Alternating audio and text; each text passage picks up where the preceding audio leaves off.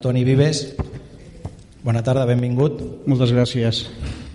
Ell és llic- llicenciat en Història de l'Art, eh, escriptor de guies de viatge, especialitzat en la Xina, l'Iran i Equador. Hem de, dir que, hem de dir que ja l'hem tingut en alguna ocasió amb nosaltres fent alguna xerrada al respecte. Recordo una d'Iran que va estar francament bé. A veure avui. Segur que millor. Eh, ell també ha publicat llibres sobre Lituània, Sardenya i una guia gastronòmica on s'explica els millors llocs de Catalunya per menjar-hi cargols. Col·laborador també en revistes de viatges, conferenciant, com podem comprovar avui, i fotògraf freelance per a la UNESCO. També remarcar la seva passió per la muntanya que l'ha portat a, a estar escalant a les més altes serralades de, del planeta. Vale? Bueno, pues, tots teus i esperem que us agradi molt. Gràcies per la vostra per haver vingut a escoltar-me. Començaré. Eh, Abans que comenci a passar fotografies, us explicaré una mica de què anirà el tema. Eh, les biblioteques de Barcelona aquest any han tret un tema que se'n diu viatges i cinema. Llavors em van donar carta blanca que tries jo de quina pel·lícula volia parlar. I, i vaig estar pensant i al final vaig, vaig dir, mira, faré sobre la pel·lícula Set anys al Tíbet. És una pel·lícula que a mi francament no m'agrada gaire perquè m'havia llegit el llibre i el llibre i la pel·lícula no s'assemblen pràcticament res. Jo l'hagués fet diferent, jo hagués fet una road movie perquè és una que es va bellugant passa que les road movies són amb cotxe normalment o amb moto i aquest va fer 1.800 quilòmetres a peu durant dos anys per al Tíbet després es va estar 5 anys a Lhasa però el que té d'interessant és que canvies de paisatge, surten muntanyes eh, surten eh, té un component històric, hi ha qüestió exòtica, o sigui que té molts components interessants. Uh, si heu vist pel·lícules i heu llegit llibres, que, del, igual per exemple el nom de la Rosa, que per exemple en aquest cas s'assemblen molt la pel·lícula i el llibre, aquesta que avui us explicaré no s'assemblen de res. O sigui, si haguéssim fet la pel·lícula com l'hagués fet no hagués venut ni una, perquè és molt d'anar descrivint el terreny que trepitges i tot això. En canvi, el director de la pel·lícula doncs, va buscar històries d'amor, una sèrie de coses que no n'expliques gens de llibre, s'ho va inventar-ho tot. Llavors començarem i us aniré explicant com va. Veureu les fotos una mica... Són, també vaig triar això perquè són llocs que hi he estat. En el Tíbet, a Àustria... He estat on es va filmar, perquè no està filmada en el, en el Tíbet, està filmada a l'Argentina, al nord de l'Argentina, la zona de Mendoza i de, de la Concagua, i m'he basat per presentar-vos aquesta xerrada amb la pel·lícula, en el llibre i amb els fets reals, perquè hi ha una mica de tot. Bé, comencem. El llibre de les aventures de Harrer es va publicar l'any 1952, quan, just un any després d'haver tornat a Europa, d'haver passat aquests anys en allà. Se n'han fet milers i milers de versions. La pel·lícula és de l'any 97, Avui no ha pogut venir el Brad Pitt, va dir que vindria però no, no ha pogut venir. Però bé, el protagonista Brad Pitt és una pel·lícula d'aquestes nord-americanes amb molt de pressupost i aquí tenim el que seria la ficció, el film. He Henrik Harrer, Brad Pitt, Peter, no sé com es pronuncia, Schneider, que és l'altre alpinista, protagonista de la pel·lícula, David Derwis, i el director és un francès que es diu Jean-Jacques Arnaud.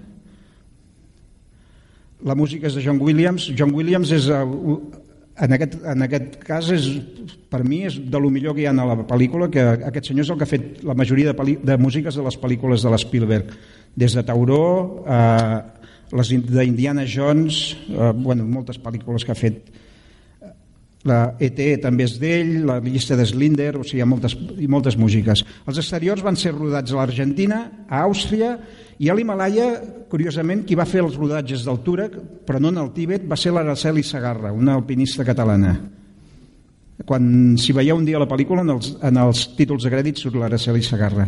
La realitat, aquests eren els dos personatges, el Harrer i el Peter, el Heinrich i el Peter un nascut el juliol del, dos, del 1212 i l'altre el novembre del 1899. Els dos són austríacs i els dos alpinistes. A la ficció eh, surt la noia, la dona del, del Harrer, i li diuen Ingrid, quan en veritat es deia Lotte i no va tenir una esposa, en va tenir tres, el Harrer. Quan se'n va anar cap al Nanga Parbat, que després us explicaré, va deixar la dona, al tornar al Tibet, del Tíbet es va casar amb una altra dona i la tercera, des de l'any 62 fins que ella es va morir el 2006, va ser la Katrina Harhaus. El fill, Peter Harrer, que en el llibre ni tan sols el menciona, el canvien a la pel·lícula surt com un tema important. Harrer va estudiar geografia i es, i es va dedicar sobretot a l'esport de la muntanya. Eh, tant és així que es veu que era molt bo. Era molt bo perquè el van, el van elegir pels Jocs Olímpics d'hivern de l'any 36. Eren els famosos Jocs Olímpics que presidia Adolf Hitler i a, a Garmisch-Partenkirchen doncs, és on es van celebrar les proves d'hivern. Aquell any es van celebrar les d'estiu de, a Berlín i les d'hivern a, a Garmisch-Partenkirchen. Això és Alemanya. L'any 37 va guanyar un campionat mundial d'esquí. Bé, i ara ja anem al, a la part que a mi m'ha interessat d'aquest personatge, que és la part muntanyenca. Ell va, va ser un dels que va, dedic, va voler pujar a l'Eiger. L'Eiger, que li diuen l'ogre,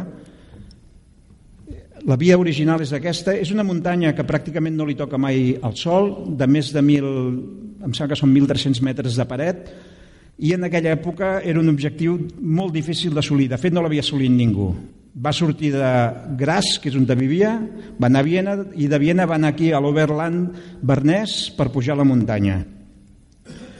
Uh, conquerir aquesta muntanya era una, es va convertir una, en un repte molt important, sobretot per la gent germànica.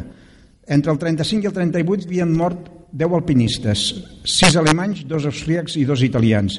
Aquest que veieu aquí, el Toni Kurz, és el mateix que penja aquí. Si heu llegit mai el llibre sobre l'Eiger, la conquista de l'Eiger, això va ser molt dramàtic perquè aquest pobre noi va quedar...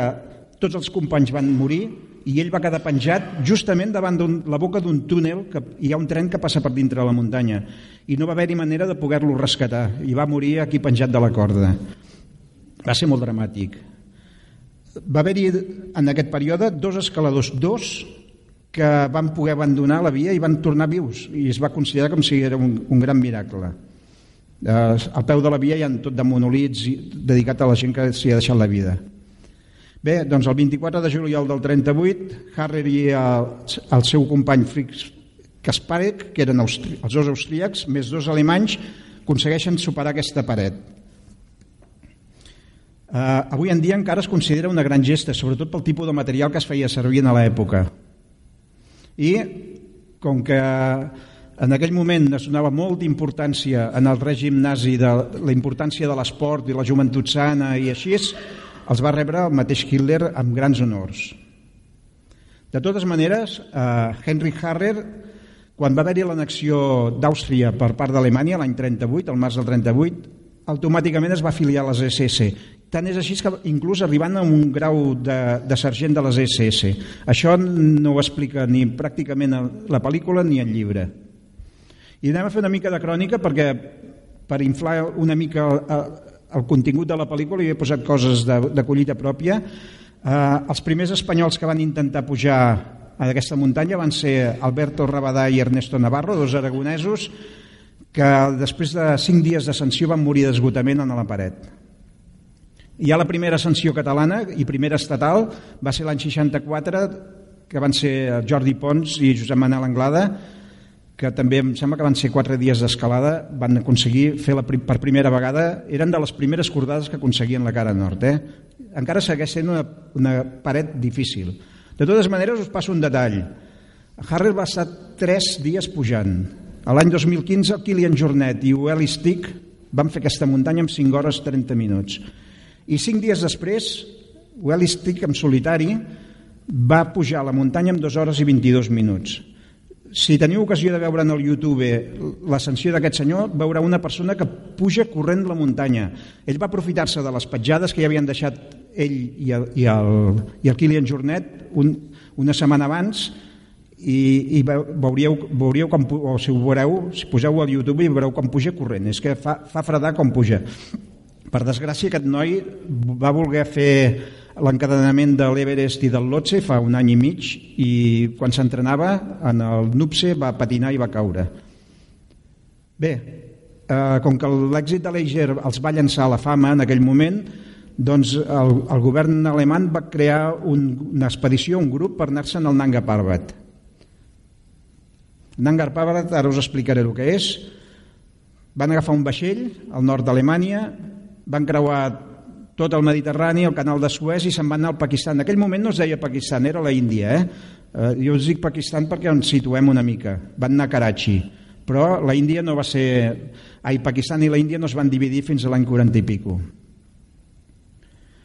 van remuntar el riu Indo i evidentment van, arribar, van entrar en una societat completament diferent a la que ells coneixien de les zones alpines o d'Àustria. I aquí comencem l'exotisme del viatge, de lo que ens pot presentar la història d'aquesta pel·lícula. Un territori molt exòtic, amb paisatges incommensurables, muntanyes molt grans. I ens posem a Nanga Parbat. Nanga Parbat és la novena muntanya més alta del planeta, 8.126 metres, i en aquell moment encara no s'havia pujat cap muntanya de 8.000 metres, el que sí que s'havia repartit una mica és que totes les potències occidentals s'havien dividit els 8.000, que hi ha 14 8.000 a, la, a la Terra, cada país volia pujar una muntanya. Els italians es van secar amb el K2, els anglesos amb l'Everest, doncs els alemanys van posar i van posar-hi les banyes en, en el Nanga Parbat. Tant és així que en 4 anys ja hi havien mort 11 escaladors. És una muntanya molt complicada d'arribar, eh? Li diuen la muntanya assassina. Llavors aquesta expedició l'any 39, després de provar diferents vies, van trobar una que seria probablement la via d'ascens i que després, quan es va aconseguir pujar aquesta muntanya més endavant, va ser la via bona, doncs eh, ells van trobar el camí d'accés però ja no van decidir tirar enrere Se'n van anar cap a Karachi i volien agafar un vaixell de tornada cap a Alemanya. El que passa és que en aquell moment la situació europea era molt complicada, tan complicada que estava a punt d'esclatar la Segona Guerra Mundial. Ells eren alemanys o, o pertanyien a, a la zona germànica del règim nazi i estaven en un país que era de la Commonwealth, la Índia. Llavors el que ells van fer és quan estaven a Karachi sabent les notícies que venien van agafar i a peu se'n van anar cap a la frontera d'Iran volien creuar l'Iran a peu i des d'allà aconseguir tornar a Alemanya pel mitjà que fos la qüestió és que els detenen a la frontera iraní i se'ls emporten cap a, cap a Karachi. Aquestes són imatges d'arxiu que he trobat de, de com era Karachi d'aquella època. I justament pocs dies després, el 3 de setembre, esclata la Segona Guerra Mundial. Llavors aquell grup tots els alpinistes van, els agafen i els porten aquí al mig. En aquest, aquí hi ha un camp de concentració i Harrer el primer que fa, però és que el primer que fa, eh, no tarda ni un dia, s'escapa. I ell el que volia anar era a la zona de Goa, que era una colònia portuguesa. Portugal era un país neutral a la Segona Guerra Mundial, però era filo-alemany. Llavors, ell pensava que anant allà eh, es podria escapar i així. La qüestió és que el terreny d'aquí és tot pla, la Índia, aquesta zona d'aquí és un grans plans, i en, poc, en poca estona el van detenir. Al cap d'uns mesos agafen a tot el grup i amb tren se'ls emporten aquí, a Debradun. Debradun està al peu de l'Himalaya, al cantó sud, van amb tren i és un camp de concentració immens, el més gran que hi ha a la Índia. En allà hi havia japonesos, italians, i alemans i austríacs, o sigui, era tota la gent que era, era filonazi o, o de l'eix, doncs els, els van tancar. Harry hi torna. Era una persona amb una, molt forta a nivell de, de voler sempre eh, obstinat en la supervivència i ser una persona lliure. Llavors el tornen a detenir i el detenen diverses vegades. Sempre quan acaba sortint el detenen. Però al maig del 43, penseu que ja fa, ja fa anys eh, que els tenen tancats, el maig del 43 s'escapa cap a les muntanyes amb un general italià i es posen com a objectiu Lhasa. De fet, tenen les muntanyes a la vora, caminen de nit i s'amaguen de dia. Van evitant les autoritats índies sempre que poden, però es van acostant al riu Ganges i cada vegada hi ha més personal. Ja no es poden amagar i sempre els estan trobant que dormen al costat del riu amb alguna cova i els van trobant. Harrer el que tenia molt clar era que per poder fugir havia de saber entendre's amb la gent. I llavors el va començar a aprendre molt, era, es veu que tenia molta, molta possibilitat d'aprendre bé i va començar a aprendre les llengües que, que trobava. Les llengües locals. Va per, per aquests paisatges fabulosos fins que arriben a la vora del Ganges. I a la vora del Ganges, si heu estat mai a les parts altes del Ganges, hi han milers i milers de peregrins i allà no es poden amagar, però sí que es poden dissimular, perquè es, es disfreixen de peregrí i és més fàcil passar desapercebuts. Passen per un poble que es diu Uttarkashi, coneixen una persona d'allà, es, fan, es fan amic d'ell i com que se saben perseguits, perquè el fet que s'hagin escapat no vol dir que no els persegueixin, eh, el que fan és li deixen tot el que tenien de valor, brújula, càmera de fotos, una sèrie d'objectes, perquè el camp de concentració de la Índia no era com els camps de concentració que hi havia a Alemanya, eren presoners de guerra però amb una sèrie de privilegis. Doncs tot el que tenien, la càmera, tot això, ho van amagar-ho a la casa d'aquest veí. Comencen a veure els primers tibetans, que són grups que passen la frontera per la muntanya, i ell el que vol acostar-s'hi per aprendre el tibetà. Abans d'arribar a la zona frontera, creuen uns, ho relaten al seu llibre, una zona de boscos de rododendres que el deixen estupefacte perquè realment és una passada aquest tipus de boscos, però quan arriben a Nelang, Nelang és aquest poble d'aquí, ells de fet només han corregut això, que és, això és el Ganges, això són les Gangotri, que són les fonts del Ganges, ells han arribat aquí, la frontera està aquí. L'italià s'ha posat molt malalt i a més a més es troben a diversos que s'havien escapat també del, del camp de concentració, però se'ls tro troben emmanillats, que ja els han detingut. La qüestió és que han estat 38 dies lliures i s'han quedat a molt pocs quilòmetres de la frontera, es queden amb la mel a la boca. Agafen a tot el grup i els tornen a Drum.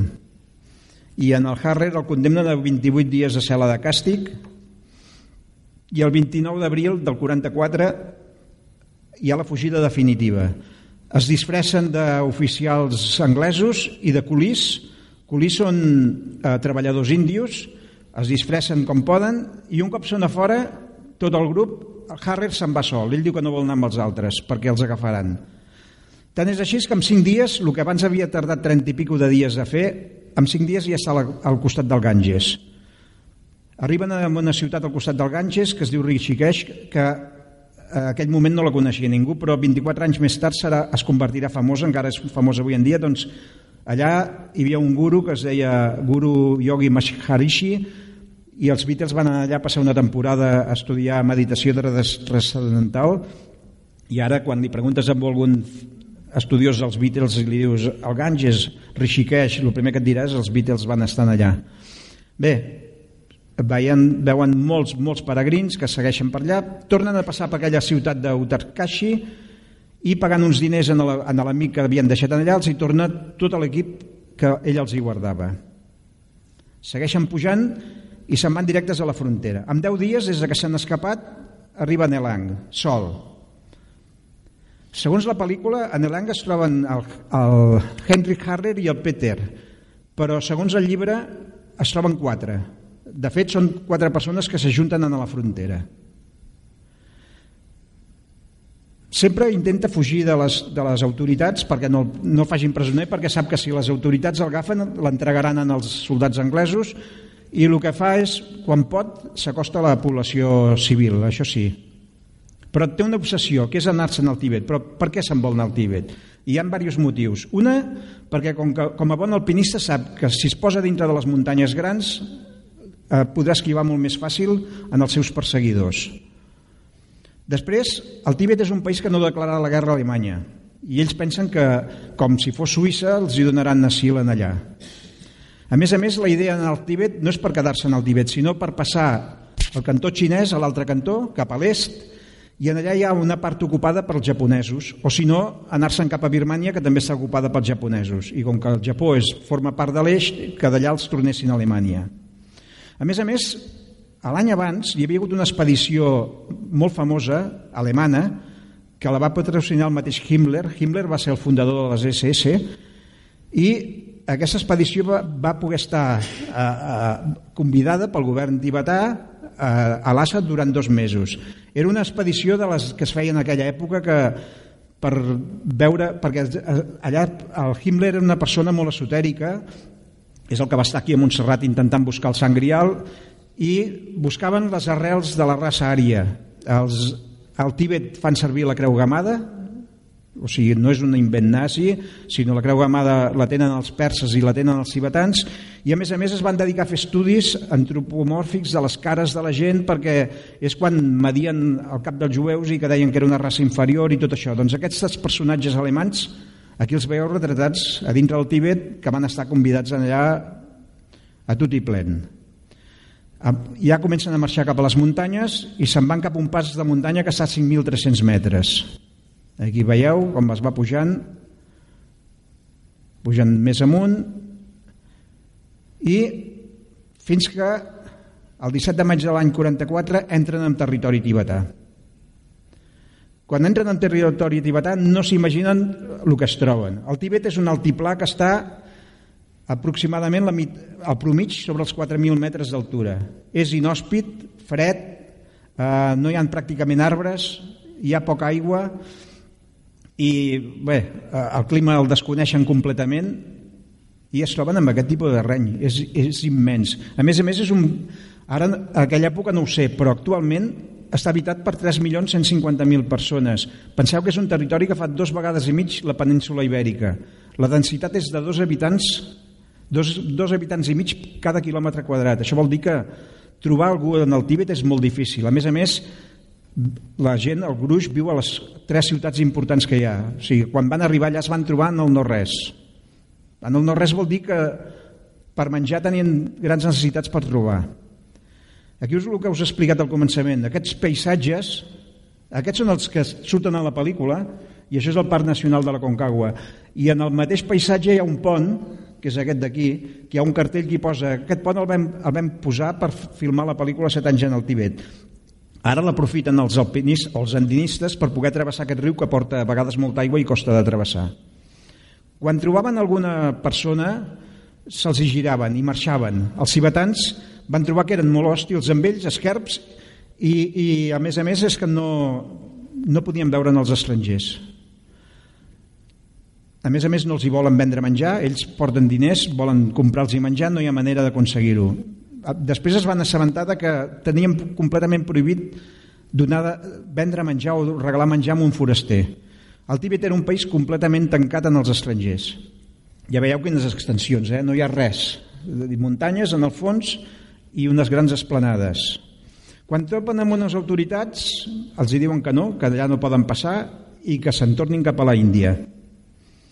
Ja fa tres setmanes que estan perduts per allà caminant i eh, estan molt cansats, estan desnutrits, tant és així que Harrer en la pel·lícula surt, i és, i és cert perquè ho explica també en el llibre, entra en els temples quan troba un temple i es menja les ofrenes, perquè és que no té res més. O sigui, i a vegades agafa uns mal d'estómacs de por perquè les ofrenes a la millor fa 15 dies que estan allà posades i són pomes velles o, o cereals que, que, que s'han podrit. El Peter es posa malalt, segurament pel menjar i tot això, i en un poble es troben un governador que diu, bueno, va, ja que esteu fotuts, us deixo dos llacs perquè us portin a l'equipatge, però amb un soldat anireu cap a la Índia. I aquí teniu els llacs i se'n van cap a la Índia. I allò vol dir que ells volien anar cap a la dreta i els fan anar cap a l'esquerra. Els fan anar en aquesta ciutat d'aquí de la Índia. La frontera ve més o menys per aquí. Això és del Google Earth i la frontera avui en dia encara hi ha zones que es disputen, el Tíbet i la Índia. Per això no està ben dibuixada. Quan entren a la Índia es fan passar per aviadors nord-americans.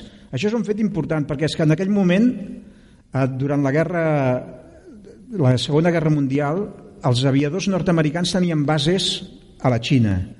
Primer perquè ajudaven el general Chiang Kai-shek, que era el govern xinès que lluitava també contra els japonesos i alhora contra els comunistes i les bases aquestes servien als nord-americans per anar a bombardejar eh, Birmània i el Vietnam. Llavors, moltes vegades hi havia aviadors que quan travessaven la serralada es quedaven sense benzina, aterraven com podien en el Tíbet i com podien se'n tornaven a la Índia i, i reemprenien el camí. Com que veuen que allà els detindran a la Xina, ai, a la Índia, es divideixen en dos grups i segueixen camins diferents. El Harry se'n va amb un que es diu Cop i el, i el, i el Peter se'n va amb un altre company. Segueixen tenint problemes, però ara el bo que ja porten bastants dies per aquells territoris i, i s'entenen molt més bé amb el tibetà. el Tibet és un país pobre, la majoria de gent no sap llegir ni escriure, pràcticament ningú, només les èlits de Lhasa i de Jiangse i Shigatse saben llegir, que són les tres ciutats més importants. Han aconseguit una tenda, ells dormen en aquesta tenda, i en un poble perdut es troben amb, amb, amb l'altre austríac, amb el Peter, que s'havien dividit eh, quan estaven a l'Índia, i els explica que el, el tercer del grup s'ha quedat a la Índia. Més tard sabran que els, un cop s'ha quedat a la Índia l'han fet presoner i se l'han tornat a emportar cap a, aquell, cap a aquella base. Passen per un poble que es diu Gartok i allà troben un, una mena de personatge, un virrei, es fan amics i ell els, els convida, els deixa una casa un lloc per, i els hi porta menjar i, i bueno, s'hi troben molt bé.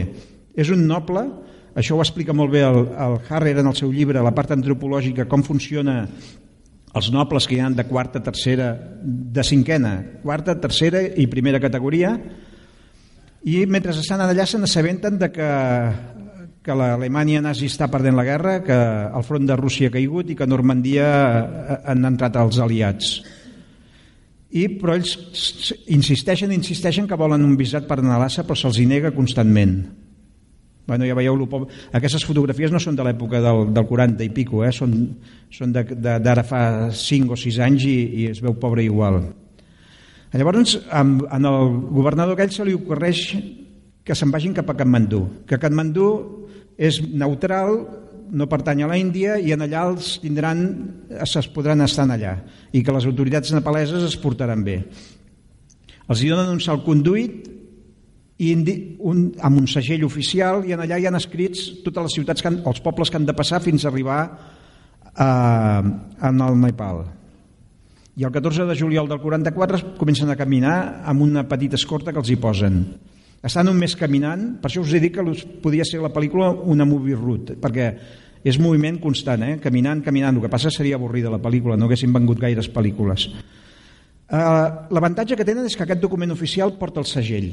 Aquest document, fet un parrac, el portaran fins a l'ASA i quan l'ensenyen amb una autoritat, l'autoritat no sap llegir res, només veu el segell oficial i els deixa passar normalment.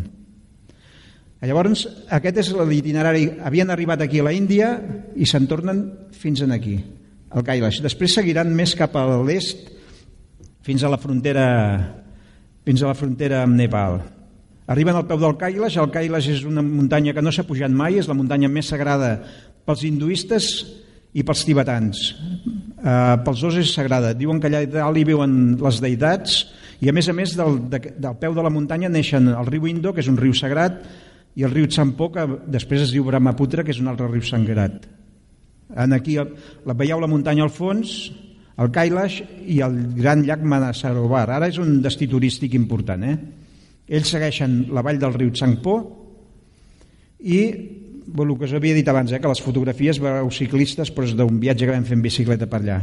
A mitjans d'agost arriben a Trudun, una ciutat, bueno, un poblet on hi ha dos alts funcionaris del govern els pressionen, que volen anar-se'n a l'assa, i després de moltes reunions els, els van agafar un dia en una reunió els van dir, es deien, en diuen bompos aquests governadors i els diuen la frase següent al Tíbet la pressa dels europeus està fora de lloc heu de prendre les virtuts del temps i la paciència i així arribareu abans del final jo no sé si van prendre en presència però van estar dos anys per poder arribar a l'assa en aquesta foto veieu les creus gamades en els toldos de les cases. El que us deia abans, que la creu gamada no és, no és un símbol només de, empleat pels nazis.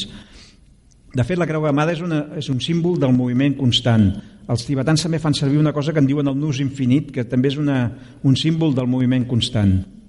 Bueno, la paciència que els havien demanat els, els governadors dura tres mesos, fins al final li diuen heu de marxar i llavors els acompanyen a la frontera del Nepal el noi que es diu Cop accepta, se'n va al Nepal i també després s'assabentaran que els, les autoritats nepaleses acaben entregant-los a les Índies i el fan presoner.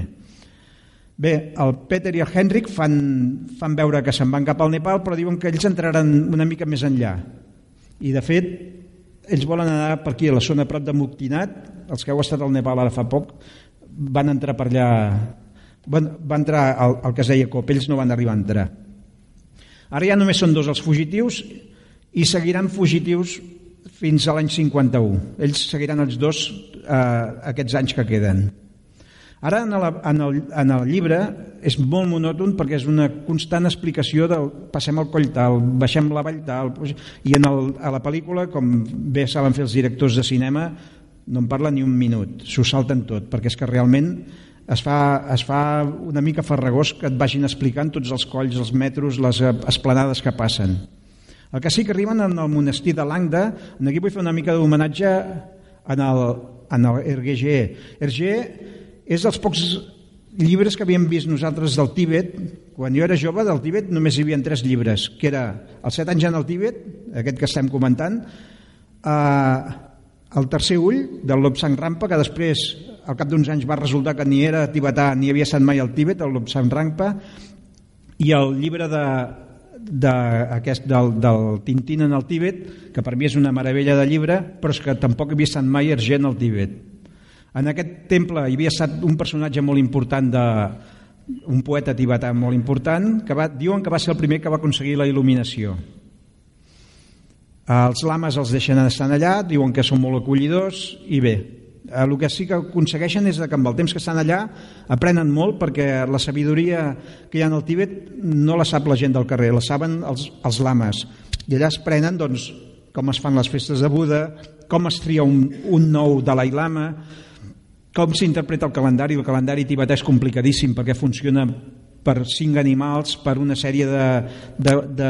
una mica com el calendari xinès, però molt més complicat, o els enterraments aeris, com quan es mora un, un personatge en el Tíbet, en lloc d'enterrar-lo, se'l deixa a l'aire lliure, el trossegen, perquè vinguin els voltors i se'l mengin i llavors s'enterren els ossos. És un tipus d'enterrament que hi ha tres cultures en el món que ho fan. Els zoroastrians de, de Pèrsia ho feien perquè ara està prohibit i els indis de Nord-Amèrica, els pells roges, el que en diuen pells roges, feien aquest tipus d'enterrament. És una manera molt ecològica de que el mort torni a la terra. Era el pensament aquest que tenien. Bé, van caminant i arriben a una població que s'hi troben la mar de bé, està a 2.700 metres d'altura, o sigui que el clima és, és suau comparat amb els que vivien a 4.000 metres, i s'hi passen la primavera i l'estiu. Ja no tenen tanta pressa d'arribar a l'Assa, a més a més han trobat una sèrie de gent que els acull a casa, que els hi porten menjar, o sigui, s'ho passen bé. Fins que les autoritats, quan ja veuen cap a massa temps que estan per allà, els diuen que han de marxar. El 8 de novembre marxen Llavors, allà han, han sapigut que s'ha acabat la Segona Guerra Mundial. Però, a més a més, amb el final de la Segona Guerra Mundial vol dir que el Japó ja no està a la vora. O sigui, si atravessen el Tibet no arribaran, no arribaran en terreny japonès, sinó que arribaran en terreny xinès. I el pitjor per ells és que el terreny, el lloc xinès que arribaran cada vegada està més ocupat pels xinesos comunistes i no pel, pels republicans xinesos que són els del Kuomintang. Bé, segueixen, se'n van, s'amaguen, s'escapen en dos dies diferents, surten i han quedat en un lloc que havien deixat un, un niu de material, s'escapen i en el camí passen a prop del Gosaitan. Us he posat aquesta muntanya, el Gosaitan en diuen actualment Xixapagma, perquè és un, segons el llibre de, de, del Tintín, Tintín en el Tibet, és un, si l'heu llegit mai, és on te cau l'avió. O sigui, l'avió on hi ha un noi que és xinès que es diu Chang ha caigut en aquesta muntanya, en el Gosaitan. I en aquí és on apareix el famós Yeti. Bé, eh, es troben un terreny una altra vegada amb grans altiplanícies i poden mirar per primera vegada com a bons muntanyens que són s'ho anoten tot i quan veuen una muntanya que els crida l'atenció doncs s'ho anoten i, i evidentment aquesta vegada és important perquè veuen la cara nord de l'Everest. En allà es diu Chomolangma en la part tibetana. Els paisatges segueixen sent incommensurables però el que es troben és que cada vegada que s'acosten a l'assa es troben amb més gent.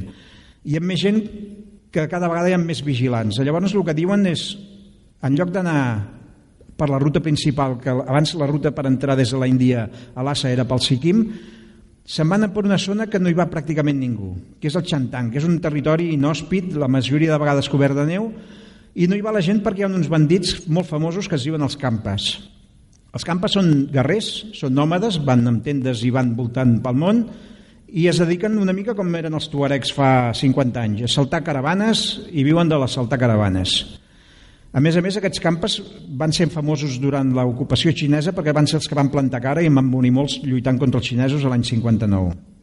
Aquests són els campes que els, el Harrer va poder retratar, però no tots els que van trobar eren pacífics. Tant és així que una nit eh, estaven a la tenda, els van assaltar, estaven ells dormint, això surt a la pel·lícula i en el llibre també surt, i per sort, eh, quan els portaven presoners, van poder-se escapar ells dos corrent, van perdre moltes de les seves pertenències, però un cop van escapar-se van dir marxem d'aquest territori perquè avui no ens han matat però la propera vegada ens poden matar perquè ells no preguntaven, els campes mataven. Llavors com que tenen por a trobar-se eh, més bandits agafen i se'n van a buscar rutes transitades al finals de desembre troben una caravana de peregrins que són molt pobres, els peregrins van a l'Assa per, per les cerimònies i el 15 de gener del 46 arriben a les portes de l'Assa Penseu que aquí han deixat a l'altre company i han recorregut tot això. Aquest és el territori dels campes i la ruta normal va per aquí, cap, a, cap al Siquim, i ells han hagut de donar un gran tom. Uh, disfressats amb, de peregrins miserables, amb parracs, intenten burlar la guàrdia i ho aconsegueixen. Borden, ai, entren a dintre del Tibet i aquesta fotografia és de, del Harrer, i aquesta no, aquesta és meva. Eh, pràcticament no ha canviat el Potala, eh? Quan veuen la ciutat resulta que no té res a veure amb els poblets que han passat. Hem passat uns poblets que eren misèria i en aquí veuen grans palaus, uns temples molt suntuosos i molta gent. El que no troben és un lloc on de caure morts, perquè eh, tots són cases, no hi ha hotels eh, i voltant, voltant, fins que troben un, un noble que veu que són estrangers i els acull a casa seva. Aquest personatge els hi pregunta d'on venen, ells no se n'amaguen, diuen que són, són uh, austríacs que han fugint d'un camp de concentració de la Índia i els porta a casa seva i accedeix davant, eh, intenta intercedir en el Ministeri d'Afers Exteriors. A més a més, quan estan a casa d'ell, d'aquest noble, venen molts altres nobles de més categoria a veure aquests estrangers. Entre ells ve Sarong, que després serà el seu protector a l'Assa. Els tenen uns quants dies confinats a casa i no els deixen sortir fins que ja els hi diuen no us entregarem a la legació anglesa, hi ha, un, hi ha una mena de consulat anglès que els haguessin pogut entregar allà i els diuen que no. Hi ha una, una sestresa, una modista que els hi fa uns vestits molt elegants, aquest és ella, és el Harry retratat allà, però aquesta modista és la font de conflicte segons la pel·lícula, eh? segons la realitat ni, ni existeix en el, es brallen els dos per la, per la modista, però al final aquesta noia serà la parella del Peter. Bé, quan ells van arribar allà, el Dalai Lama encara era Dalai Lama, però no era eh, no tenia no estava entronitzat i era qui portava les, les regnes del país eh, o que havia de portar les regnes del país. Les regnes del país les portava un regent. El sistema tibetà és, eh, funciona amb, amb un personatge que és un déu vivent, és el déu vivent, és la representació més important d'un lama, ai, d'un lama mort, i llavors aquest personatge té tots els privilegis i tots els poders. En el llibre s'explica molt bé i en la pel·lícula també una mica les desfilades que fa quan el passegen pel carrer perquè encara és menut, el porten a dintre d'aquesta mena de baldaquí i això són fotos que jo vaig aconseguir eh, al Tíbet una vegada que hi havia una, un desfile no era del, del Lama, del Dalai Lama, sinó que era del Panchen Lama. El Panchen Lama era un altre personatge que després ja us explicaré qui és, però era un, com es feien els desfiles en l'època. Tota la gent del país esperant en els carrers que passés el gran personatge. I aquí ho veieu que hi ha centenars de monjos i més monjos. Bé, volten per Lassa, Lassa és una ciutat meravellosa, pels turistes segueix sent-ho i és molt exòtica, i el que veus a Lassa no ho veus en lloc més. Avui en dia encara et crida l'atenció, per exemple, veure els dentistes al mig del carrer que ni, ni anestèsia ni res, et treuen un queixal amb, amb un no res. Bé, això és el cor de Lassa, és davant d'un temple que es diu el Jokang, aquest temple és el temple més important del món del lamaisme. És com si diguéssim eh, el Vaticà dels cristians, doncs pels, pels budistes lamaistes és el seu, el seu punt més important. I hi ha gent que venen de quilòmetres i quilòmetres arrossegant-se per terra. Aquest senyor el que porta a les mans és per no fer-se llagues i venen estirant el cos i replegant-se com si fossin un cuc i a vegades estan anys per arribar a l'assa. Per exemple, a, la muntanya aquella que us he dit, el Kailas, és molt tradicional que li donguin tres voltes arrossegant-se per terra i poden estar un any sencer donant voltes. Eh, quan han arribat aquí doncs, es, es prostren a davant de l'entrada del temple. És un temple molt antic, del segle XVII, i es va construir perquè van portar una escultura molt important budista. Venia de lo que actualment és, és Xi'an. Davant d'aquesta estàtua és on, es, on es, es diu la nova reencarnació de Buda és autèntica i se li dona el paper de Buda. Entretant, ells van voltant per l'Assa, van descobrint el poble, s'han fet famosos, la gent els va veure i aconsegueixen fer-se amics dels pares del Dalai, del Dalai Lama i del germà d'un del, dels germans de la, del Dalai Lama. Això són imatges de que la, la ciutat tot, tota respira eh, eh, religió, eh? és, és, el, és el monotema de, de l'Assa, la religió budista per tot arreu. Els simbolismes per tot arreu, els temples estan plens de monjos, ara n'hi ha molts, però n'hi havia hagut molt més abans de la dominació xinesa. La secta que domina actualment al eh, Tíbet és la secta Gelupta o també en diuen dels barrets grocs. Hi ha una altra secta que és la dels barrets vermells que són minoritaris. El Dalai Lama és la reencarnació d'un Buda, del Buda Avalokitesvara i el Panchen Lama d'un altre Buda que es diu Buda Amitabha. Són el mateix Buda però són diferents representacions de Buda. Això us hauríeu de llegir una mica com és el budisme. Eh? És un, per nosaltres és un pèl complicat. Si és, per nosaltres és complicat lo de la Santíssima Trinitat, per ells això també és bastant més complicat. El que sí que és, és divertit i que si un dia aneu a anar al Tíbet, jo us ho recomano, senteu-se quan la gent fa la circunvolació al temple del Jocan, que et diuen la cora. Van passant, resant tots amb el molinet d'oració, que és això que porten a la mà, van resant Omani Padme Un, Omani Padme Hum, que és la, la flor del lotus, salve a la flor del lotus, bueno, és una flor, és una, és un, un mantra que té molts significats, però bé, tothom va amb aquest mantra. Aquí els veieu, amb els rosaris, perquè van passant una mena de rosaris, i vinc a donar voltes. Pues passen el dia sencer donant voltes. Jo vaig plantar-me aquí dos dies amb el trípode i vaig fer centenars de fotos perquè era divertidíssim. Veies tot tipus de personatges i a més a més no, no et deien res, es deixaven retratar la mar de bé. Ara ja els dos austríacs els hi han, els hi han donat feines importants perquè per la seva formació europea doncs, es pensen que ells sabran de tot, doncs els fan des d'arreglar una central elèctrica, arreglar les aigües de la ciutat i d'aquesta manera el que han aconseguit és que no els expulsin. I com que s'han fet amics de les classes altes de la població, doncs així segueixen. Arriba un dia de l'any 1948 que Harrer el criden en el Potala. El Potala és on vivia el Dalai Lama, el que seria el Dalai Lama. Uh, el rep, dintre d'aquesta immensa mole, penseu que és un edifici dels més grans del món, 365 metres de llargada, 335 d'amplada i 109 d'alçada, més de 1.000 habitacions. A dintre està ple d'imatges de Buda banyades d'or, alguna d'or massís, o sigui, és totes les riqueses del país, aquest país tan miserable que és el Tíbet, doncs aquí dintre hi ha riqueses per donar i per vendre. Hi ha una part que està pintada de vermell, que són les habitacions pròpies del Dalai Lama, quan hi era, eh? actualment no el aneu a veure que no estan allà.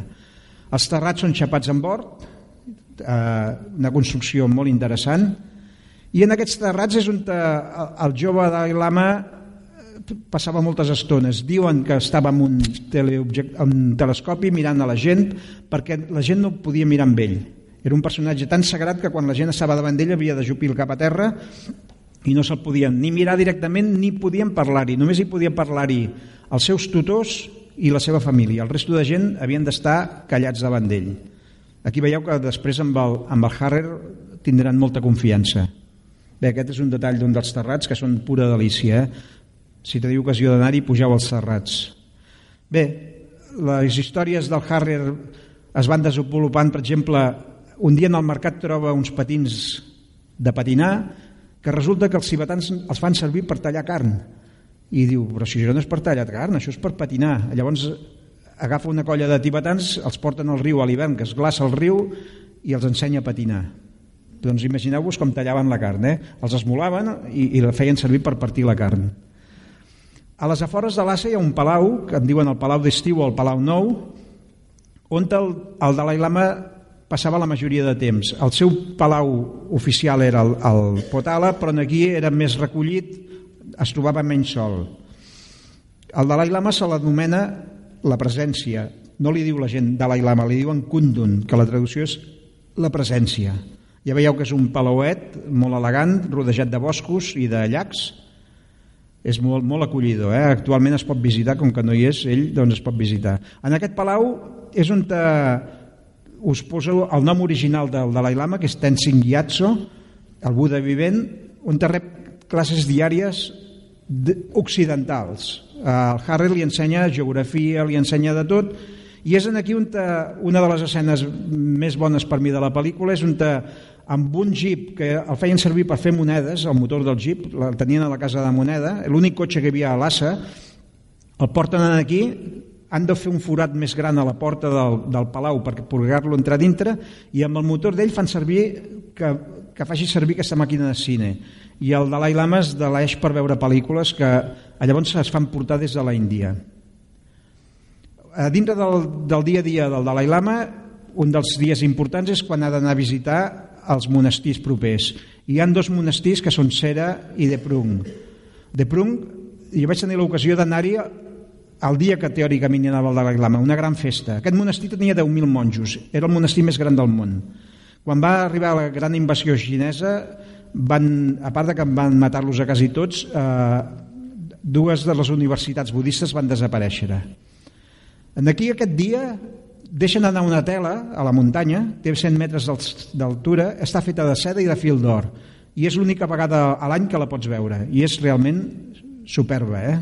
Aquí veieu amb motius budistes, evidentment. I aquests són, és una foto antiga de, de com anaven els monjos en el festival. I això és una foto actual, doncs, la gent eh, tirant incens i, i objectes d'olor. Una imatge dels nens tibetans i ara ja ens posem a l'any 48, el 15 d'agost. Va haver-hi un terratrèmol i l'any anterior havia passat un meteorit. Els oracles, perquè ja funciona tot per oracles, van dir, ui, això és un mal símptoma. I el mal símptoma era que la primera vegada que el Dalai Lama va haver de marxar de Xina, del Tíbet, perdó, a cap a la Índia, el 1910, hi havia hagut un, també un terratrèmol i també havia passat un, un meteorit. Tant és així que llavors comencen a rearmar a l'exèrcit, però clar, és un exèrcit de mil i pico d'homes i els xinesos de Mao Zedong eh, que han guanyat en les forces del Kuomintang, les forces nacionalistes, tenen un exèrcit de més de 800.000 homes. En la pel·lícula explica que ve una delegació xina i que es brallen i discuteixen, en el llibre ni ho menciona. El que sí que menciona és que una delegació tibetana se'n va a Pequín a negociar. Com que veuen que la situació està tan confusa, el que fan és avancen l'entronització del que serà el 14è Dalai Lama. Això són imatges de la pel·lícula i això és una imatge real d'aquella entronització. El resultat de les negociacions amb la Xina no arriben en lloc i el 7 d'octubre de 1950 els xinesos invadeixen la part oriental del Tíbet i l'exèrcit roig fa bastants morts, eh, l'exèrcit no pot defensar-se i que arriben a 200 quilòmetres de l'Assa paren, fixen, fixen un, un pacte però eh, el Tíbet perd la seva independència, ja deixa de ser independent per sempre més. Uh, no s'enfien els tibetans i tant és així que marxen. Marxen tothom de l'Assa, sobretot les classes nobles, tothom marxa, i se'n van cap a una ciutat que es diu Jansé. A Jansé hi ha un castell, i aquí veu l'entrada real d'una foto feta per el, per al Harrer del moment que el Dalai Lama entra a Jansé. A Jansé hi ha un gran monestir que durant la guerra durant la revolució cultural l'any 1966 va ser destruït, encara queden està en runes i aquí hi havia tres sectes diferents de monjos i de fet hi havia 15 monestirs a dintre del recinte. Ara queda la Gran Muralla i alguns petits monestirs. I això són imatges de, i de la veneració que tenen la gent. El més interessant és aquest edifici eh, escalonat que hi ha 109 capelles té eh, eh, nou pisos i els seus interiors són molt rics, molt interessants. Això tampoc surt pràcticament en la pel·lícula. Eh? La pel·lícula posa més èmfasis eh, a l'enfrontament que tenen amb els xinesos i a més a més amb imatges molt cruels per exemple d'un li posen, els xinesos li posen amb un lama una pistola a la mà i ha de matar amb una altra lama i coses d'aquestes Llavors, el que fan és quan veuen que la situació no s'aclara, encara marxen més, més cap a la frontera índia i se'n van a Chigatse. Chigatse és la segona ciutat del Tíbet, és la seu del Panchen Lama, que és l'altre segon més important a, a dintre del rang del Tíbet, i és una ciutat que no la van destruir durant la Revolució Cultural. Mentre que van destruir totes les altres, aquesta no la van destruir perquè el Panchen Lama era amic de Pequín. I és per l'única cosa que no la, van, no la van destruir. De totes maneres, 4.000 monjos sí que van morir. Aquí hi ha el monestir del Taxilumpo, que és el monestir de la Bona Sort, i aquí resideix aquest senyor, el Panchen Lama, que actualment tampoc resideix aquí, perquè els xinesos van, van aprovar que una reencarnació era el que havia de ser, però quan tenia 4 o 5 anys se'l van emportar a Pequín i no se sap on està. Està amagat a Pequín o el tenen tancat. Són com a tots els terrats aquests d'aquests edificis d'hort i, i aquí dintre tenen un Buda de 30 metres d'altura. Podeu veure el pintoresquisme d'aquest país i els, i els personatges són molt divertits.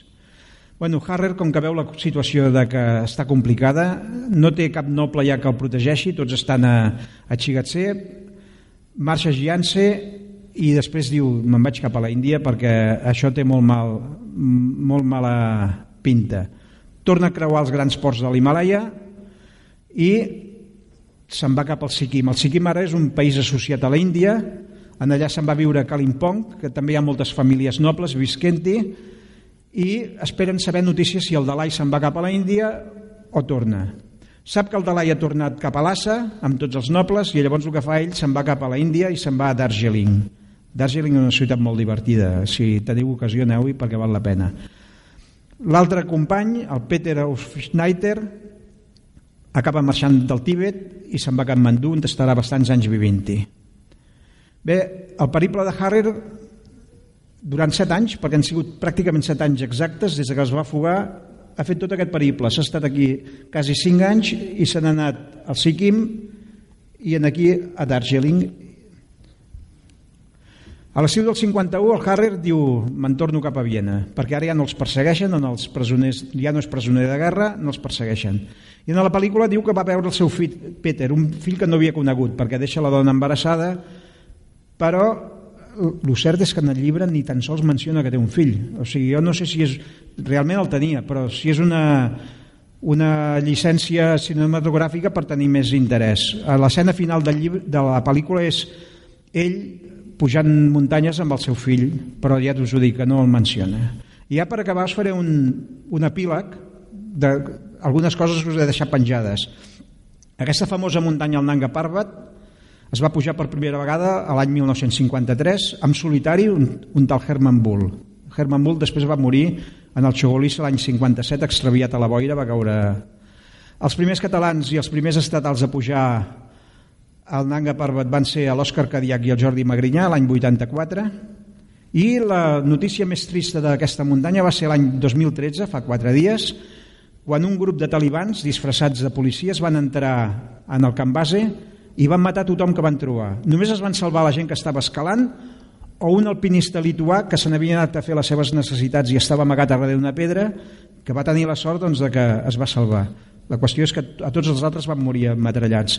Llavors jo us he posat això que la muntanya assassina, com se li ha dit, realment eh, aquesta vegada sí que va ser la muntanya assassina. L'any 59 va ser quan va haver-hi realment la invasió xinesa, van morir 87.000 tibetans, 7.000 se'n van anar a l'exili i des de l'any 65 el Tibet és una regió autònoma de la República Popular Xina. La revolució cultural de l'any 66 va permetre l'entrada dels guàrdies rojos i es van destruir pràcticament tots els monestirs del país. No només el Tíbet, eh? els monestirs del país de tot Xina van ser destruïts. El Dalai Lama es va exiliar d'Armarsala i a l'any 89 va rebre el Nobel de la Pau. Harrer va tornar a Lhasa l'any 82. Les males llengües deien que, era un, que el va fitxar la CIA. Això jo ho he trobat en documents, no sé si és veritat però la CIA estava interessada a crear citzaina amb els xinesos i llavors, com que ell coneixia tant els tibetans, doncs el, el, deien que l'havia fitxat la CIA. Amb el Dalai Lama es va veure diverses vegades, però mai en el Tibet. I d'aquella estada en el sostre del món hi ha un segon llibre que es diu El reencuentro con el Tibet, de, va ser de l'any 82, i després un llibre petitet, que la majoria de fotos us les he passades aquí, que és eh, 7 anys en el Tíbet en fotografia, a part del llibre dels 7 anys al Tíbet. I aquí s'acaba la pel·lícula de 7 anys al Tíbet o d'un nazi en el misteriós Tíbet. I ja està. I si voleu preguntes, jo us explicaré el que pugui i el que sàpiga. Res més. Gràcies.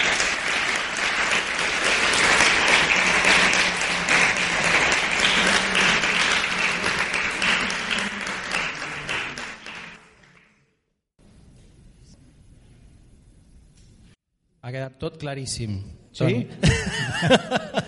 No, jo, jo us he exposat el que és. Eh, La pel·lícula és una cosa, la, el llibre és una altra i la realitat és una mica un ramelòtum de tot. O sigui que el que sí que us puc dir, com que el cicle és viatges i cinema, si voleu veure la pel·lícula està penjada al YouTube gratis, la podeu veure, dura dues hores i pico, el llibre el trobareu a les biblioteques, però sí, si teniu ocasió, viatgeu al Tibet. Us agradarà molt. Eh, està molt regulat, no, no podeu anar per lliure, però val la pena anar-hi.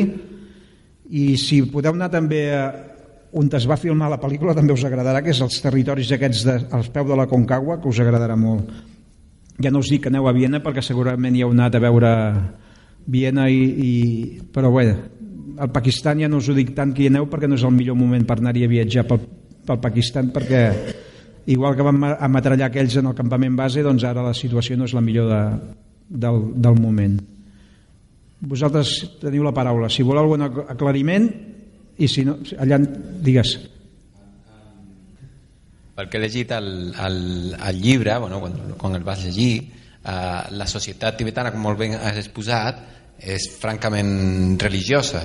Sí. El que vaig entendre és que quasi bé eh, es trobava en una època com d'edat mitjana, no? en la qual hi havia les classes dominants no? eh, en el caire religiós fortament que, i tal i després pues, eh, misèria en les classes, en les classes humils. No? I ha canviat gaire en l'ocupació xinesa i tot això? O, o, o el que s'ha Ja. fet és, és un canvi de papers en el rol Ah, burocràtic i així? Els no nobles no hi són. Se'n van anar tots a la Índia quan va haver-hi l'ocupació xinesa. Les classes dominants ara són els xinesos Han, que tenen els negocis i tot això. La societat tibetana que viu als pobles segueix sent Igual pobra, el que sí que els xinesos els hi han posat hospitals, els hi han fet un tren que arriba a Lhasa, però si vas pels poblets petits i tot això segueixen sent esquerps com, com eren abans jo sempre he dit que quan vas en bicicleta pel món és la millor manera d'entrar en un país perquè et reben molt bé quan en un grup vam atravessar el Tíbet en bicicleta els pobles no ens hi podien parar perquè t'intentaven estirar la motxilla et tiraven pedres et venien al darrere i la primera nit que vam acampar a tocar un poble ens van robar quasi tot o sigui, ens anàvem lluny dels pobles perquè ens feia por estar en els pobles la gent era molt farèstega Lhasa és una altra cosa. Lhasa és una ciutat, ara s'ha convertit molt gran, i ara hi ha dues Lhasses. El Potala, que abans era en un extrem del poble, divideix la Lhasa xinesa i la Lhasa tibetana. Si vas de turista, vés a menjar la Lhasa xinesa, perquè menjaràs bé, perquè la Lhasa tibetana es menja fatal. Però si vols vida autèntica tibetana, vés a la part tibetana i els tibetans segueixen sent pobres, van a l'escola, van a l'escola, però el que que ja no és una societat medieval. Abans era una teocràcia, tot el poder el tenia el Dalai Lama, ell era l'amo dels exèrcits, podia fer matar qui volgués, eh, els, els càstigs eren molt dolents, eh, o sigui, la pena de mort funcionava a dojo, sempre ens han pintat els tibetans com una cosa sí que la religió tibetana és una religió no agressiva i tot això, però una cosa és la religió i l'altra quan manaven per sistema medieval, eh, o sigui que eren autèntics per mantenir el poder, feien el mateix que han fet tots els poderosos del món. No sé, no sé si has parlat de... Perquè això me'n recordo que sortia el llibre que parlava dels campas. Que eren Els Zampas. Sí, Els ba- Campas. Els campas, Sí. que, que eren uns bandits. Sí, sí, No? sí. És que m'he perdut una estona. Sí, de la- els, els campes eren bandits, ara no són bandits, però segueixen sent nòmades, Ah, és una ètnia. segueixen sent nòmades i, i jo vaig trobar-me'ls i jo no et diré que són bandits o no, però que anant en bicicleta ens van intentar parlant malament putejar, és veritat, perquè anàvem en bicicleta i, ens vam trobar una colla que anaven amb carros i ens anaven tallant el, el pas, que no ens volien deixar passar, però és que ens nosaltres amb la bicicleta pujant un port, que el que ens costava, allà els ports tenen 5.000 metres d'altura, el que et costa respirar, doncs ells amb els carros ens intentaven treure de la carretera. No sé per què, eh? perquè s'hi va agafar així, reien molt, però, però nosaltres no reiem gens perquè ens volien treure de la carretera. El que sí que el paper dels campes va ser molt important quan va haver-hi la, la invasió de debò dels xinesos, perquè es van constituir en guerrilles i ells s'amagaven a lo que és el Nepal, el regne de Mustang, allà els hi donaven armes als, al govern nord-americà, els armava i entraven i lluitaven contra els xinesos. I van morir molts, molts, molts. Bueno, he, he, he de dir que el, el llibre el teniu disponible aquí fora. Eh, eh, bueno, hem fet una peti... sempre fem una petita selecció de, no? i una guia de lectura sobre la, sobre la qüestió en aquest cas de totes les xerrades. Però curiosament el llibre el teníem disponible a la biblioteca i el teniu a l'abast per, per agafar en préstec. I aquest i altres relacionats amb el, amb el, via amb el fet del viatge hi ha alguna pel·lícula i també hi ha més coses sobre el Tíbet per si voleu complementar la, la informació Bé, doncs si no hi ha cap pregunta més, jo crec que podem donar per concluït l'acte. Moltes gràcies, Toni. A vosaltres. De res.